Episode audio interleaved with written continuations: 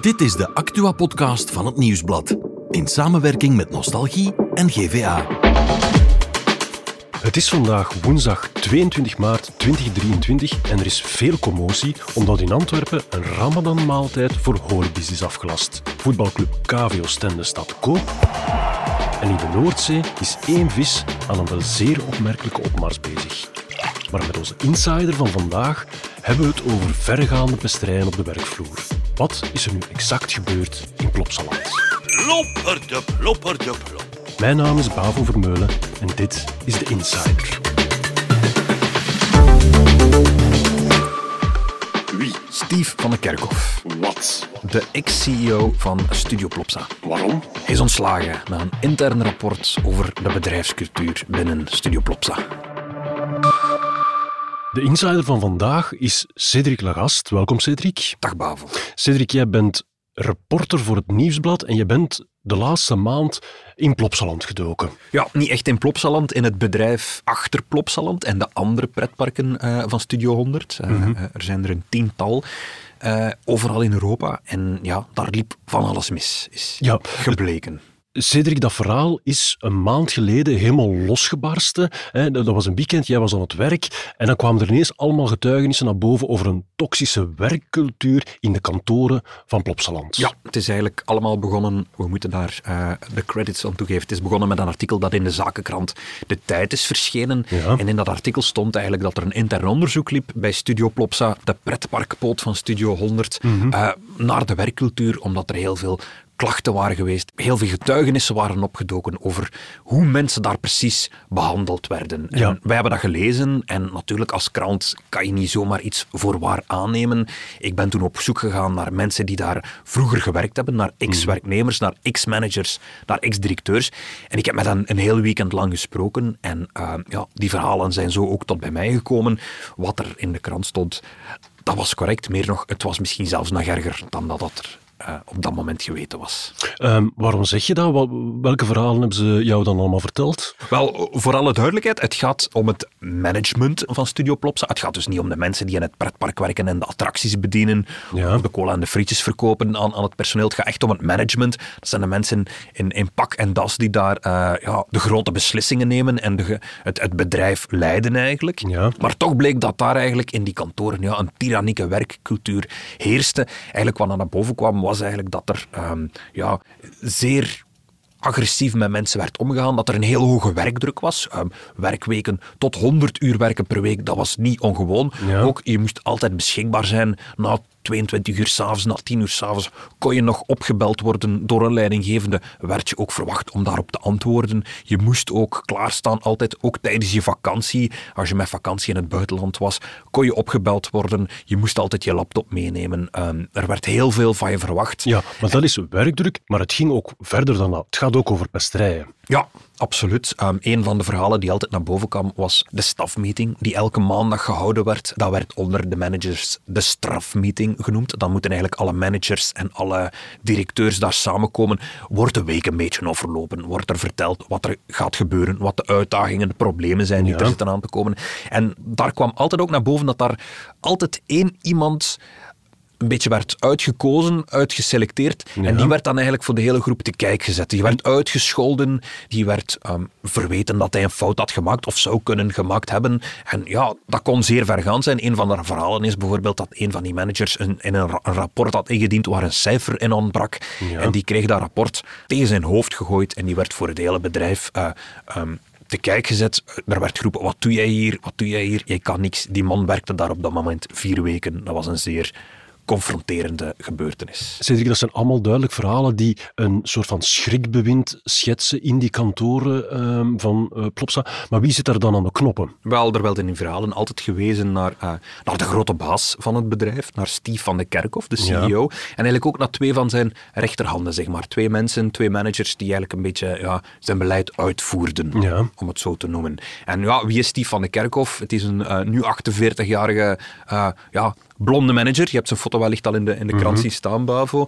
Ehm, hij, hij werkt daar al heel lang. Hij werkt eigenlijk al van bij het begin. Ja. Eh, 23 jaar geleden ehm, werkt hij voor Plopsa. Hij is daar zelf eigenlijk... Plopsa is een vlak na de eeuwwisseling heeft Studio 100 Meli, het pretpark Meli, overgekocht. Ja. En hij is daar onmiddellijk begonnen als, ik denk, eh, de Chief Financial Officer, de, de financiële manager na, nadien. En is heel snel opgeklommen tot algemeen directeur. En hij is dat eigenlijk 23 jaar lang gebleven. Heeft dat pretpark eigenlijk mee uitgevonden, heeft het mee uit de grond gestampt. En we moeten daar eerlijk in zijn, heeft er ook succes van gemaakt. Want een groot deel van de winst, van de omzet van Studio 100, dat komt van de pretparken. Niet alleen Plopsaland die we kennen, er zijn ondertussen tien pretparken overal in Europa die hij ook allemaal mee heeft eh, opgebouwd naar het voorbeeld van Plopsaland. Eh, en dat is een succes. Eh, zeer succesvol man, zeg je. Eh, iemand die zeer goede cijfers kan voorleggen. En het klopt ook wel, het is wel een supersterk merk hè, in ons land. En als je in die parken rondloopt, lijkt alles daar plezant te zijn en alles spijs en vrij. Ja, maar achter de schermen speelt er dus blijkbaar toch nog andere zaken. Ja. Een van de dingen die bijvoorbeeld ook verteld was, was dat de mensen tegen elkaar opgezet werden.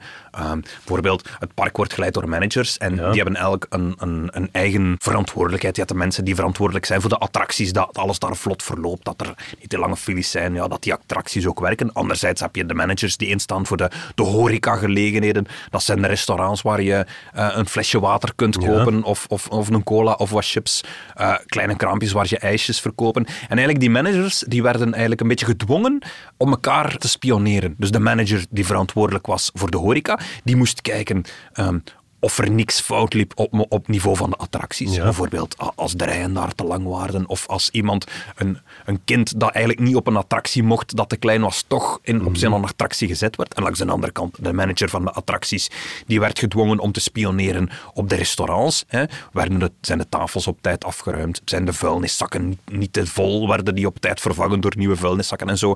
En zodanig dat hij informatie kreeg, Ja, dus dan moesten ze dan eh, doorklikken eigenlijk naar de CEO. ze en moesten zijn eigenlijk foto's maken van de overvolle vuilniszak van het eh driejarig jongetje dat Ja. niet op de attractie mocht, eh, die over kop ging. Die moesten die, die foto's doorspelen aan Stief van de Kerkhof. En daarmee kon hij dan zijn personeel confronteren, controleren. Zo zeg kijk, ik heb hier eh, duidelijk bewijs dat jij je job slecht hebt gedaan. Op die fameuze stafmeeting bijvoorbeeld. Op die stafmeeting bijvoorbeeld. En waarom? Ja, zo houdt hij de controle ook. Hè. Hij heeft dan een heel goed zicht over alles wat er gebeurt in zijn parken. Maar langs de andere kant ook, ja, als hij de mensen tegen elkaar kan opzetten, heeft hij ook een vorm van controle over zijn personeel. Echt verdelen heerstactiek. Ja, absoluut. Maar wat we ook gezien hebben, is dat sommige mensen daar toch een beetje onderuit kwamen. Hoezo? Die maakten afspraken. Bijvoorbeeld de manager horeca, die sprak af met de manager attracties van kijk, ik heb hier, ehm, we gaan gewoon twee keer per dag met elkaar in overleg gaan. Ik toon wat ik allemaal heb zien mislopen op jouw deel van het park. Jij toont wat, hij- wat hij- jij allemaal hebt zien mislopen bij mijn restaurants. En we sturen alleen de minst erge inbreuken door. Als ik ik de minst erge doorstuur, doe jij dan ook. En dan ja, kunnen we het toch een beetje onder controle houden. Dan ontsnappen we misschien maandag aan de toren van de stafmeeting. Ja, een van de mensen die je gesproken hebt, doet dat echt ook met naam en toenaam. Een van die mensen was Regis Dane. Hè. Die heb je gesproken. En die had wel een heel opmerkelijk verhaal te vertellen over een mail die hij gestuurd had. Hij was aankoopmanager binnen Plopsa in 2016, denk ik. Hij heeft daar een aantal maanden gewerkt, is, is daar toen ook vertrokken. Een maand geleden was hij een van de dertien mensen die getuigden in onze krant over wat er allemaal misliep bij Plopsa. Ja. En hij heeft toen ook in de krant verteld dat hij op het moment van zijn ontslag ook een, een e-mail heeft gestuurd naar Gert Verhulst, naar Hans Bourlons. Dat zijn de twee, de twee CEO's van Studio 100, het moederbedrijf Ja. volgens Plopsa.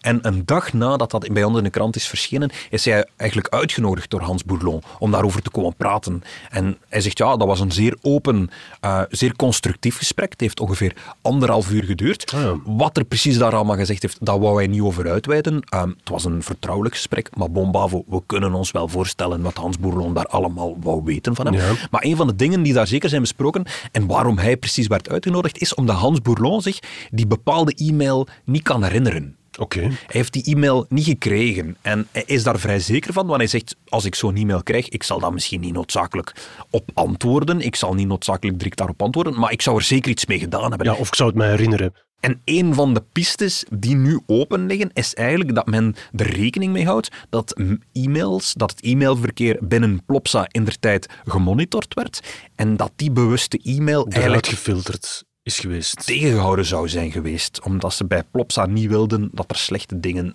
bij het moederbedrijf terechtkwamen. Ja, we zijn nu een maand later, hè, na het, het uitbreken van het schandaal, om het zo te zeggen. Eh, er is intussen tijd een intern onderzoek geweest bij Plopsa door advocaat Christine Mussen, die gespecialiseerd is in die problematiek. En dat heeft geresulteerd in het ontslag van Stief van de Kerkhof. Ja, Jij hebt dan daarna die mensen opnieuw gehoord, hè, uw getuigen en uw klokkenluiders. Hoe reageren zij daarop?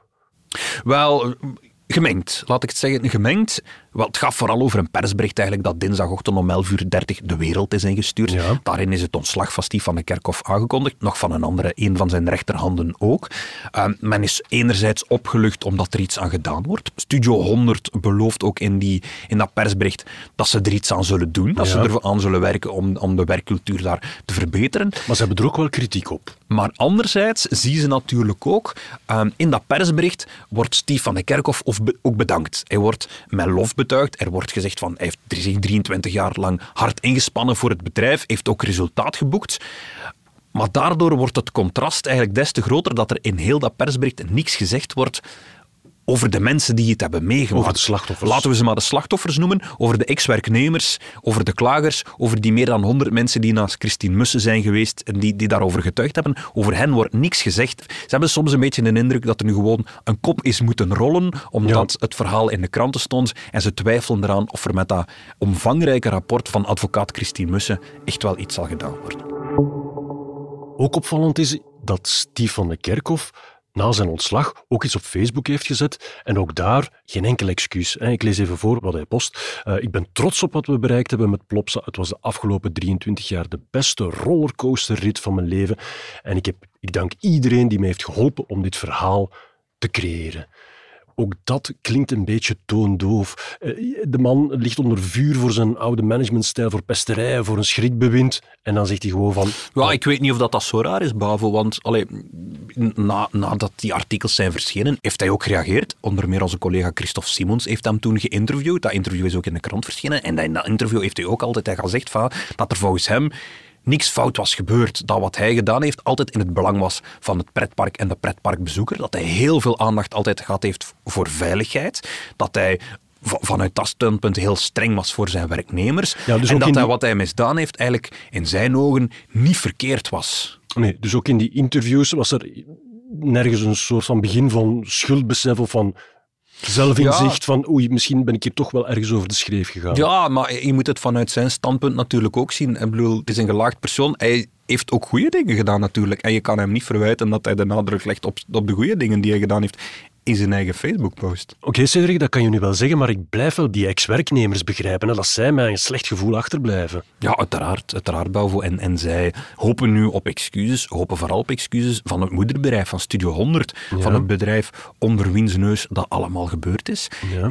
In eerste instantie ehm, willen ze excuses, maar er zijn ook mensen die zeggen van naast dat principe zou het geen kwaad kunnen, zou het ook een mooi gebaar zijn, moesten ze proberen recht te zetten wat Stief van de Kerkhof eh, verkeerd heeft gedaan. En dat wordt onder meer verwezen naar veel overuren die nooit uitbetaald zijn. ja. Want op, op een bepaald moment, eh, het is een sector waarin veel overuren gepresteerd worden. Hè. Zomermaanden, horeca, lange dagen. Ehm, op een bepaald moment zijn er ook mensen eh, ontslagen. En op dat moment heeft Stief van de Kerkhof zelden of nooit overuren uitbetaald. Ja, ja. Overuren die nog open stonden, zijn nooit uitbetaald. En nu denken die mensen, boter bij de vis. Dat is een klacht die heel vaak terugkomt van mensen die zeggen van kijk, op het moment van mijn ontslag is zijn, zijn mijn overuren nooit uitbetaald. En die beseffen nu natuurlijk ook, Stief van de Kerkhof, dat is een CEO, die is ontslagen. Dat is niet zoals jij en ik, Bavo, als wij ontslagen worden, dat er drie maanden opzegpremie wordt Ja. uitbetaald. Over zo'n ontslag van een CEO, daar wordt over onderhandeld. Daar Ja. komen vaak advocaten bij te pas, daar wordt lang over onderhandeld. Heel vaak staat dat ook in zijn contract, waar hij precies recht op heeft. Ja. En die man heeft wellicht een riante ontslagvergoeding gekregen. Dat denken al die mensen wel. En die denken natuurlijk, ja, voor, voor hem is er geld. Hij heeft zijn ontslagvergoeding gekregen. En voor ons, voor de slachtoffers, zal er niks meer overblijven. Oké, eh, tot slot, Cedric, is de zaak nu helemaal afgerond met het ontslag van Stief van de Kerkhof? Wel, dat hoopt Studio 100 toch. Hè? Dat staat ook in een persbericht. Dat ze hopen dat ze de bladzijde kunnen omdraaien. Dat het daarmee voorbij is. Dat ze naar de toekomst kunnen kijken. Dat ze terug gewoon een pretpark kunnen zijn. Nu, er, er loopt natuurlijk ook nog altijd een onderzoek bij de arbeidsauditeur. Dat wil eigenlijk gewoon zeggen dat er nu onderzocht wordt wat daar precies gebeurd is. Wat is daar precies allemaal misgelopen? En ook, is dat ook strafbaar? Ja, ja. Zijn er wetten overtreden? Want het kan wel zijn dat je bepaalde dingen hebt gedaan als werkgever die moreel niet helemaal oké zijn, die moreel verwerpelijk zijn, maar daarom zijn ze nog niet noodzakelijk ook in overtreding met de strafwet. En dat wordt nu allemaal onderzocht. Het kan zijn dat dat nog een juridisch staartje krijgt, dat daar nog een, een rechtszaak van komt, maar dat is dat op dit moment nog helemaal niet zeker. Oké, we volgen dat van nabij op. Bedankt, Cedric. Graag gedaan, Bavo. Hijs de zeilen, licht het anker. Ik wens jullie een behouden terugvaart naar huis. En dan gaan we nog even over naar het andere nieuws van de dag. En daarvoor is op de stoel van Cedric Legast producer Joni komen zitten. Hey Joni. Hallo. De Antwerpse concertzaal De Roma heeft een Ramadan-maaltijd afgelast. Ja, de iftar, dat is de naam van zo'n maaltijd die moslims na een hele dag vasten eten. En de Roma organiseerde er een specifiek voor moslims uit de Holoby-gemeenschap. Ja. Maar er kwamen heel veel boze reacties, zelfs dreigementen. En daarom heeft de zaal nu besloten om het evenement af te gelasten. Ah, dat is wel jammer, want je wilt dan een statement maken van Ja. kijk, Holibi-moslims eh, die mogen ook een iftar houden. En dan glas je dat af. Ja, en er komt misschien zelfs meer reactie op dan op het evenement zelf. Zo heeft bijvoorbeeld Bart Somers, minister voor Gelijke Kansen, gezegd dat het onaanvaardbaar is. En hij wil kijken hoe het evenement met beveiliging georganiseerd kan worden. Maar dat is een beetje tegen het concept, want de bedoeling is juist om een safe space te organiseren. En met een heleboel ja, beveiliging gaat dat niet hetzelfde effect hebben. Dus het gaat definitief niet door. Volgens Roma niet. Nee, oké. En ehm, ook uit de intro, er staat een voetbalclub te koop. Ja, KV Oostende. De club zit met een financieel tekort van 5 tot 7 miljoen euro om zijn proflicentie in eerste zit te halen. Ja. En om dat probleem op te lossen, gaan ze waarschijnlijk de club verkopen. Ja. De eigenaar van de Engelse club Wolverhampton hebben interesse, maar we zijn nog niet zo ver. Het zijn nog maar verkennende gesprekken. Ja, en tot slot, Joni, iets heel geestig. Er is een nieuwe top 3 van vissen die we uit de Noordzee halen. Ja, welke vissen denk je aan als je denkt vis uit de Noordzee op je bord? Wel, dan denk ik in de eerste plaats aan tong en garnalen misschien. Ja, tong staat op 1, garnalen op 5, maar op 2 staat iets nieuw, de inktvis. Ah ja, dat lijkt me eerder iets dat we uit Zuiderse water halen. Ja, normaal eh, calamaris denk ik aan Spanje. En dat komt door de mooie zomer. Mhm. Het was heel warm, ook door klimaatopwarming. Maar ook omdat de prijs gunstig is en er geen visquota zijn op die inktvis. En vissers dus onbeperkt op inktvis kunnen vissen. Ja, dus eh calamaris op zijn Vlaams is een dingetje. Ja, vanaf nu wel. Oké, bedankt Joni. Morgen zijn we er weer met een nieuwe Insider.